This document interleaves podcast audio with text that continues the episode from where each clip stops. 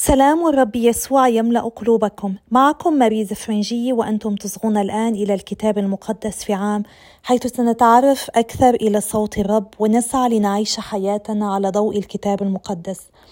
نحن نواصل مسيرتنا من سفر التكوين إلى سفر الرؤيا ونسعى لنكتشف قصة الخلاص وأين نحن منها. لقد بقي لنا فقط ثلاثة أيام تتضمنها اليوم في هذه المسيرة في تجوالنا في الصحراء. مع سفر العدد وسفر تثنية الاشتراع في اليوم الرابع سنبدأ مسيرة جديدة مع يشوع في الغزو والقضاة. لقد وصلنا إلى اليوم الثمانية والسبعون وسنقرأ اليوم نشيد موسى الذي سمعنا عنه بالأمس الذي من المفروض أن يذكرهم دائما بما فعله الله. وسنصلي أيضا اليوم المزمور المئة والثامن عشر. سفر العدد الفصل الثالث والثلاثون مراحل الخروج. هذه مراحل بني إسرائيل حين خرجوا من أرض مصر بجيوشهم عن يد موسى وهارون. كتب موسى خروجهم بحسب مراحلهم بأمر الرب وهذه مراحلهم في خروجهم. رحلوا من رامسيس في الشهر الأول في اليوم الخامس عشر منه في غد الفصح خرج بنو إسرائيل بيد رفيعة على مشهد جميع المصريين وهم يدفنون الذين ضربهم الرب أي كل الأبكار منهم وقد نفذ الرب احكاما بآلهتهم.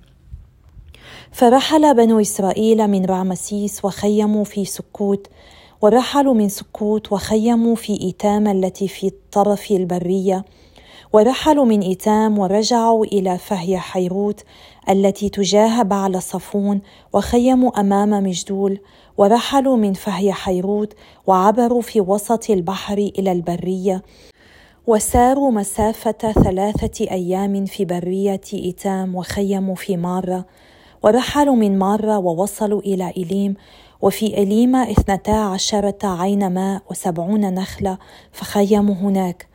ورحلوا من إليم وخيموا على بحر القصب ورحلوا من بحر القصب وخيموا في برية سين ورحلوا من برية سين وخيموا في دفقة ورحلوا من دفقة وخيموا في ألوش ورحلوا من ألوش وخيموا في رفيديم ولم يكن هناك للشعب ماء ليشرب ورحلوا من رفيديم وخيموا في برية سيناء ورحلوا من برية سيناء وخيموا عند قبروت هتأوه ورحلوا من عند قبروت هتأوه وخيموا في حصيروت ورحلوا من حصيروت وخيموا في رتمة. ورحلوا من رتمة وخيموا في رمون فارس. ورحلوا من رمون فارس وخيموا في لبنى ورحلوا من لبنى وخيموا في رسة. ورحلوا من رسة وخيموا في قاهلاتا ورحلوا من قاهلاتا وخيموا في جبل شافر. ورحلوا من جبل شافر وخيموا في حرادة ورحلوا من حرادة وخيموا في مقهلوت ورحلوا من مقهلوت وخيموا في تاحت ورحلوا من تاحت وخيموا في تارح ورحلوا من تارح وخيموا في مطقة ورحلوا من مطقة وخيموا في حشمونة ورحلوا من حشمونة وخيموا في مسيروت ورحلوا من مسيروت وخيموا في بني يعقان ورحلوا من بني يعقان وخيموا في حورة جدجاد ورحلوا من حورة جدجاد وخيموا في يطباطة ورحلوا من يطباطة وخيموا في عبرونة ورحلوا من عبرونة وخيموا في عصيون جابر ورحلوا من عصيون جابر وخيموا في برية الصين وهي قادش ورحلوا من قادش وخيموا في جبل هور في طرف أرض أدوم فصعد هارون الكاهن إلى جبل هور بأمر الرب ومات هناك في السنة الأربعين لخروج بني إسرائيل من أرض مصر في الشهر الخامس في اليوم الأول منه. وكان هارون ابن مئة وثلاثين وعشرين سنة حين مات في جبل هور وسمع الكنعاني ملك عراد بمجيء بني إسرائيل وهو ساكن في النقب في أرض كنعان. ورحلوا من جبل هور وخيموا في صلحونة ورحلوا من صلحون وخيموا في فنون ورحلوا من فنون وخيموا في أبوت ورحلوا من أبوت وخيموا في عيي عاهبريم في حدود مؤاب ورحلوا من عييم وخيموا في ديبون جاد ورحلوا من ديبون جاد وخيموا في علمون دبلا تائيم ورحلوا من علمون دبلاتائيم وخيموا في جبال العباريم تجاه نبو ورحلوا من جبال العباريم وخيموا في عربة مؤاب على أردن أريحا. فخيموا على الأردن من بيت يشموت إلى آبل شطيم في عربة مؤاب. تقسيم أرض كنعان. وخاطب الرب موسى في عربة مؤاب على أردن أريحة قائلا كلم بني إسرائيل وقل لهم إذا أنتم عبرتم الأردن إلى أرض كنعان فطردتم جميع سكان تلك الأرض من وجهكم تزيلون جميع منقوشاتهم وأصنامهم المسبوكة وتدكون مشارفهم وتملكون الأرض وتقيمون فيها فإني قد أعطيتكم إياها ميراثا. ترثون الأرض بالقرعة على حسب عشائركم. الكثير تكثرون له ميراثه والقليل تقللون له ميراثه. وحيث تقع القرعة على أحدكم فليكن له. على حسب أسباط بيوت آبائكم تتقاسمون ميراثكم. وإن لم تطردوا سكان تلك الأرض من وجهكم كان من تبقون منهم كإبرة في عيونكم وكمهامز في جوانبكم وهم يضايقونكم في الأرض التي تقيمون فيها فيكون أني كما نويت أن أصنع بهم أصنع بكم. الفصل الثاني والثلاثون من سفر تثنية الاشتراع نشيد موسى. أصغي أيتها السماوات فأتكلم ولتستمع الأرض لأقوال فمي ليهطل كالمطر تعليمي وليقطر كالندى قولي وكالغيث على الكلا وكالرذاذ على العشب لأني باسم الرب أدعو. أدعو تعظيما لإلهنا. هو الصخر الكامل صنيعه لأن جميع سبله حق. الله أمين لا ظلم فيه. هو بار مستقيم. فسد الذين ولدهم بلا عيب. جيل شرير معوج أبهذا تكافئ الرب أيها الشعب الأحمق الخالي من الحكمة. أليس هو أبوك الذي خلقك الذي صنعك وأقامك؟ اذكر الأيام الغابرة واعتبر السنين جيلا فجيلا. سل أباك يخبرك وشيوخك يحدثوك. حين أورث العلي الأمم ووزع بني آدم وضع حدود الشعوب على عدد بني الله. لكن نصيب الرب شعبه ويعقوب حصة ميراثه. يجده في أرض برية وفي صياح خواء وحشي يحيط ويعتني به. ويحفظ كانسان عينه كالعقاب الذي يثير عشه وعلى فراخه يرفرف يبسط جناحيه فيأخذه وعلى ريشه يحمله. الرب وحده يهديه وليس معه إله غريب يركبه على مرتفعات الأرض فيطعمه من غلات الحقول ويرضعه من الصخر عسلا ومن صوان الجلمود زيتا. ولبن البقر وحليب الغنم مع شحم الحملان وكباش بني باشان والتيوس مع دسم لب الحنطة ودم العنب تشربه خمرا. أكل يعقوب فشبع وسمن يشرون فرفس سمنت وبدنت واكتسبت شحما. فنبذ الإله الذي صنعه واستخف بصخرة خلاصه. أغاروه بالغرباء وأسخطوه بالقبائح ذبحوا لشياطين ليست الله ولآلهة لم يعرفوها. آلهة جديدة أتت حديثا أباؤكم لم يهابوها. الصخر الذي ولدك أهملته والإله الذي وضعك نسيته. الرب رآه وفي غضبه استهان ببنيه وبناته فقال أحجب وجهي عنهم وأرى ماذا تكون آخرتهم لأنهم جيل متقلب بنون لا أمانة فيهم. هم أغاروني بمن ليس الها وأغضبوني بأباطيلهم وأنا أغيرهم بمن ليسوا شعبا وبأمة حمقاء أغضبهم. لأن نارا شبت في أنفي فتشتعل إلى أسفل مثوى الأموات وتأكل الأرض وغلاتها وتحرق أسس الجبال. أحشد شرورا عليهم وسهام أفرغها فيهم. يخرون جوعا وتفترسهم حمى ووباء مر. أنياب البهائم أطلقها فيهم مع سم زحفات التراب. السيف من خارج يثكلهم والرعب في داخل المخادع يصيبهم. الفتى والعذراء والرضيع والشائب. قلت إني أشتتهم ومن بين الأنام أبيد ذكرهم. لولا أني أخشى صلف العدو لئلا يغتر خصومهم. ويقول يدنا قد علت وليس الرب صنع هذا كله لأنهم أمة تائهة بمشورتها وليس فيهم فهم. ليتهم يعقلون ويفهمون هذا فيتبصرون في عاقبتهم. كيف يطارد الواحد الفا ويهزم الاثنان ربوة لولا أن صخرهم باعهم والرب أسلمهم؟ لأن صخرتهم ليست كصخرتنا وبذلك أعداؤنا حاكمون. من جفنة سدوم جفنتهم ومن كروم عمورة. عنبهم عنب سم وعناقيدهم عناقيد مرارة. حمة الثعابين خمرهم وسم الأفاعي الأليم.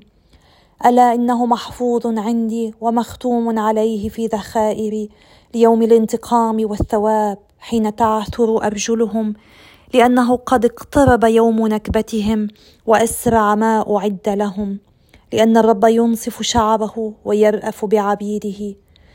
إذا رأى أن القوة قد ذهبت ولم يبق عبد ولا حر ويقول أين آلهتهم؟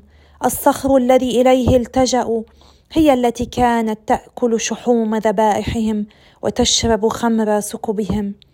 فلتقم وتنصركم وتكن لكم ملجأ. انظروا الآن إني أنا هو ولا إله معي. أنا أميت وأحيي وأجرح وأشفي وليس من ينقذ من يدي. أرفع يدي إلى السماء وأقول حي أنا للأبد. إذا صقلت بارق سيفي وأمسكت بالقضاء يدي رددت الانتقام على خصومي وجازيت مبغضية. أسكر سهامي من الدماء وسيفي يأكل لحما. من دماء الضحايا والسبايا ومن رؤوس العدو الشعراء. تهللي معه أيتها السماوات واسجدوا له يا جميع الآلهة.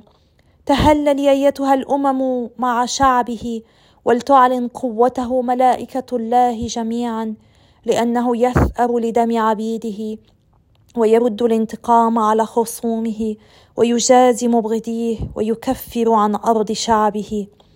فأتى موسى وقرأ كلمات هذا النشيد كلها على مسامع الشعب هو ويشوع بنو نون.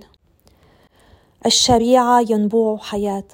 ولما انتهى موسى من مخاطبة جميع إسرائيل بهذا الكلام كله قال لهم انتبهوا إلى جميع الكلام الذي أنا مشهد به عليكم اليوم لتوصوا به بنيكم ليتنبهوا أن يعملوا بجميع كلمات هذه الشريعة. لأنها ليست كلاما فارغا لكم بل هي حياة لكم وبها تطيلون أيامكم على الأرض التي أنتم عابرون إليها الأردن لترثوها. نبأ بوفاة موسى. وكلم الرب موسى في ذلك اليوم عينه قائلا اصعد إلى جبل العبريم هذا جبل نبوة الذي في أرض مؤاب تجاه أريحة وانظر إلى أرض كنعان التي أنا معطي بني إسرائيل إياها ملكا. ثم مت في الجبل الذي أنت صاعد إليه وانضم إلى أجدادك. كما مات هارون أخوك في جبل هور وانضم إلى أجداده. لأنكما خالفتماني في وسط بني إسرائيل عند ماء مريبة قادش في برية صين ولم تقدساني في وسط بني إسرائيل. فأنت ترى عن بعد تلك الأرض التي أعطي بني إسرائيل إياها ولكنك لا تدخلها. المزمور المئة والثامن عشر. أحمد الرب لأنه صالح لأن للأبد رحمته. ليقل بيت إسرائيل إن للأبد رحمته. ليقل بيت هارون إن للأبد رحمته. ليقل المتقون للرب إن للأبد رحمته. في الضيق دعوت الرب فاستجاب الرب لي وفي الرحب اقامني الرب معي فلا أخاف وماذا يصنع بي البشر؟ الرب معي بين ناصرية فأرى خيبة مبغضية. الاعتصام بالرب خير من الاتكال على البشر. الاعتصام بالرب خير من الاتكال على العظماء. أحاطت بي جميع الأمم باسم الرب أقطعها. أحاطت بي ثم أحاطت بي باسم الرب أقطعها. أحاطت بي كالنحل وانطفأت كنار الشوك باسم الرب أقطعها. دفعتني دفعتني لكي أسقط لكن الرب نصرني. الرب قوتي ونشيدي لقد كان لي خلاصا. صوت تهليل وخلاص في خيام الأبرار. يمين الرب ببأس عملت يمين الرب ارتفعت. يمين الرب ببأس عملت. لا أموت بل أحيا وبأعمال الرب أحدث. أدبني الرب تأديبا لكنه إلى الموت لم يسلمني. افتحوا لي أبواب البر فأدخل وأحمد الرب. هذا باب الرب فيه يدخل الأبرار. أحمدك لأنك أحببتني وخلاصا كنت لي. الحجر الذي بذله البناؤون قد صار رأس الزاوية. من عند الرب كان ذلك وهو عجب في أعيننا. هذا هو اليوم الذي صنعه الرب فلنبتهج ونفرح فيه. امنح الخلاص يا رب امنح امنح النصر يا رب امنح. تبارك الآتي باسم الرب نبارككم من بيت الرب. الرب هو الله وقد أنارنا. فرصوا المواكب والأغصان في أيديكم حتى قرون المذبح. أنت إلهي فأحمدك. اللهم إني أعظمك.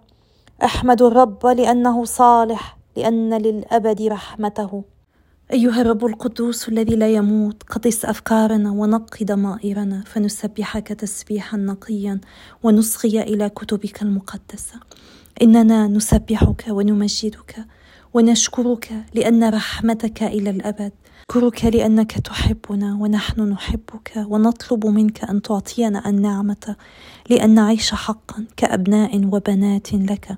فنعكس صورتك المحبه والصالحه والرحومه باسم يسوع. نصلي. باسم الآب والابن والروح القدس الإله الواحد. آمين. قرأنا اليوم في سفر العدد ملخص رحلة الإسرائيليين. المرحلة الأولى من رامسيس إلى برية سيناء حيث كان الله يقود شعبه في برية سيناء بعمود السحاب وعمود النهار. ولكن الشعب كان يتذمر أمام أي مشكلة بدلا من الالتجاء لله بالصلاة.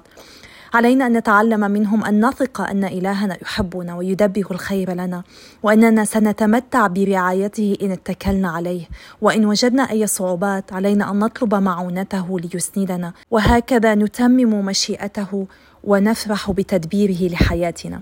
المرحلة الثانية كانت الوصول إلى قادش برنيع حيث تنقل الشعب في أماكن كثيرة ببرية سيناء وهذا يرمز إلى الحاجة للجهاد الروحي في حياتنا على الأرض. فليتنا نثابر في جهادنا أثناء مراحل حياتنا وندرك أن الله ينظر باهتمام إلى كل تعب نقدمه من أجله وهو قادر أن يسندنا ويكافئنا عن كل أتعابنا. علينا أن نفهم أن لا شيء يضيع مع الله لا شيء نفعله نقدمه لله. في مثابرتنا جهادنا وعيشنا مسيحيتنا يكون سدى. الله يستعمل كل شيء لخيرنا. وفي المرحلة الثالثة قرأنا عن رحلة التيه والعودة إلى قادش برنيع حيث ماتت مريم أخت موسى وهارون وهذه المرحلة استمرت سبعة فصول في سفر العدد. وهناك أيضا أخطأ موسى عندما ضرب الصخرة بخلاف ما أمره به الله في سفر العدد الفصل العشرون. وهكذا تحركوا من قادة شبرنيع بعد تذمرهم على الله ورفضهم دخول أرض الميعاد. فأتاهم الله في الصحراء واتجهوا في خطوط مختلفة في جميع الاتجاهات. فلنتعلم من تجوال الشعب أنه عندما تقابلنا ضيقات في حياتنا ولا نصل إلى أهدافنا المادية سريعا الا ننزعج لأن الله يبعدنا عن الشر. وعندما نخضع له ونؤمن به وبحكمته وبإرادته هو يعيدنا ثانية ليحقق أهدافنا ولكن بعد أن يكون قد جهزنا وغيرنا نكون بقلب نقي معتمدين عليه وحده أكثر وليس على العالم أو على قدراتنا الشخصية. وقرأنا في المرحلة الرابعة من قادش إلى شرق الأردن كيف حفظ الله شعبه في كل تنقلاتهم. هو الذي كان يقودهم كما قلنا سابقا بعمود سحاب وعمود نار وكل من حاول أن يعترضهم انتصروا عليه. اجعل الله قائدا لك في حياتك فتصير مطمئنا. حتى لو اعترضك البعض وحاولوا مضايقتك ثق أن إلهك معك ويحفظك. ويعبر بك وسط الضيقات وينصرك على أعدائك فيحفظك طاهرا كل حين. في قراءتنا للفصل الثاني والثلاثون من سفر الاشتراع قرأنا عن نشيد موسى وقد لفت موسى انتباه السامعين أن الكلام الذي سيسمعونه هو هو كلمة الرب الموحى بها إليه لينقلها لشعبه. وهذا الكلام هو النشيد الذي يدعو موسى السماء والأرض أي كل الكائنات الحية لتكون شاهدة على هذا الشعب لتعلن عدل الله إزاء سلوك الشعب إذا خالف العهد.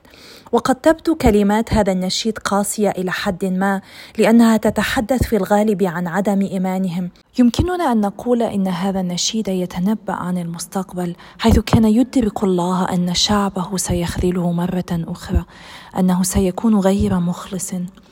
نعم هذا ما حدث وقد قال لهم الله أنه عندما يختارون أن يكونوا غير مؤمنين هو سيسمح لهم بالحصول على ما اختاروه. وغالبا عندما لا نختار الله هذا يؤدي بنا إلى ألم لا نستطيع تحمله. هذا يؤدي بنا إلى الانحراف في طريق خطأ. ولكن حتى عندما نكون غير مؤمنين حتى عندما يسمح الله لإرادتنا الحرة أن تبعدنا عنه هو لا يتركنا ابدا لأنه يظل امينا دائما ابدا. كلمات المزمور الذي صليناه اليوم تشهد أن رحمته إلى الأبد. وعندما ندعوه هو يجيبنا ويحررنا. إن الرب معي فلا أخاف. إن هذه الكلمات تشجعنا كثيرا كما سمعنا بالأمس عندما قال الله لموسى وليشوع أن يتقووا ويتشددوا. وهذا ما سنسمعه لاحقا. وفي كلمات هذا المزمور ندرك أن الله هو معنا دائما ابدا يستجيب لنا. نعم إن الله معنا على الرغم من أنه يؤدبنا. إلى أنه يبقى معنا. هو يريدنا أن ننتمي إليه. هو لا يريدنا أن نسلم حياتنا إلى آلهة أخرى. آلهة باطلة زائفة كالمال والشهوات. هو يريدنا أن نبقى تحت جناحيه. عندما نسعى وراء أي شيء غير الرب هذا سيسبب لنا ألما كما سبب ألما لبني إسرائيل. وقد رأينا أن الله سمح لهم بتجربة هذا الألم حتى يتمكنوا من رؤية مدى روعته واختبار حبه أكثر ولكنه لن يتخلى عنهم ابدا. وعلينا أن نتعلم هذا الدرس. إن الله أب غيور. نعم الله يغار لأننا له نحن شعبه نحن لا ننتمي إلى آلهة أخرى لسنا شعب آلهة أخرى. الرب يغار كما يمكن أن يشعر الزوج والزوجة بالغيره لأنهما ينتميان إلى بعضهما البعض وليس إلى رجل أو امرأة أخرى. ولكن الله يحترم حريتنا ويسمح لنا بالسعي وراء أشياء أخرى. على الرغم من ذلك سنتعلم من خلال تجاربنا من خلال مآسينا التي نجلبها على نفسنا أنه هو الشخص الوحيد الذي نحتاجه حقا. لأنه هو الشخص الوحيد الذي يحبنا حبا لا حدود له. هو الشخص الوحيد الذي ينقذنا. موسى كان يحث الشعب ليعود بذاكرته إلى الماضي فيتذكر ما قدمه الرب لشعبه من رعاية وإحسان على مدى أجيال عديدة منذ أن دعا أبيهم إبراهيم ثم إسحاق ويعقوب. وعلى الشباب الذين لم يعاصروا قيادة الله لهم على يد موسى في إخراجهم من مصر وعنايتهم بهم في برية سيناء أن يسألوا آباءهم والذين أكبر سنا منهم الذين كانوا اطفالا في مصر وعاصروا تلك الأحداث حتى يخبرونهم بما حدث سابقا وكيف اعتنى بهم الله فيزدادوا ايمانا وثقة بالرب. وهذا ما تفعله كنيستنا. إذ كثيرا ما ترجع بنا إلى سير القديسين وأقوال الآباء لكي نزداد معرفة بتاريخ كنيستنا وشهدائنا وتزداد معرفة الأبناء بسيرة آبائهم مما يساعدنا على أن نقوى بإيماننا وعلى أن نثبت على التعليم الصحيح. لذلك علينا أن نهتم بقراءة تاريخ الكنيسة تعليم الكنيسة سير القديسين وأن نطلب منهم أن يتشفعوا لنا حتى يرافقونا في حياتنا. فنعيش حياة نكون ثابتين آمنين أقوياء مطمئنين. ليتنا نتعلم من قراءتنا اليوم لنشيد موسى أن نسبح الله كل يوم في صلواتنا وأن نمجده لأجل كل أعماله لأن هذا يعطينا طمأنينة وفرح بل يظهر على وجهنا فنكون فرحين بشوشين مما يفرح الآخرين. فلنتذكر إحسانات الله لنا حتى نخجل من خطايانا ونبتعد عنها ونحاول الاقتراب من عمل الخير أكثر كرد فعل جميل لمحبة الله وعنايته بنا. نعم هو الذي كان يعتني بنا طوال حياتنا. هو الذي فعل أعمالا عجيبة لم نكن نتوقعها. فلنشكره ولنستمر بالصلاة من أجل بعضنا البعض حتى نثابر في هذه المسيرة ونقترب منه أكثر فأكثر. ونعطى الفرصة لنتمتع بمحبته وبمعرفته وتزداد بركات الله على كل واحد منا. وإلى اللقاء غدا إن شاء الله اليوم التاسع والسبعون.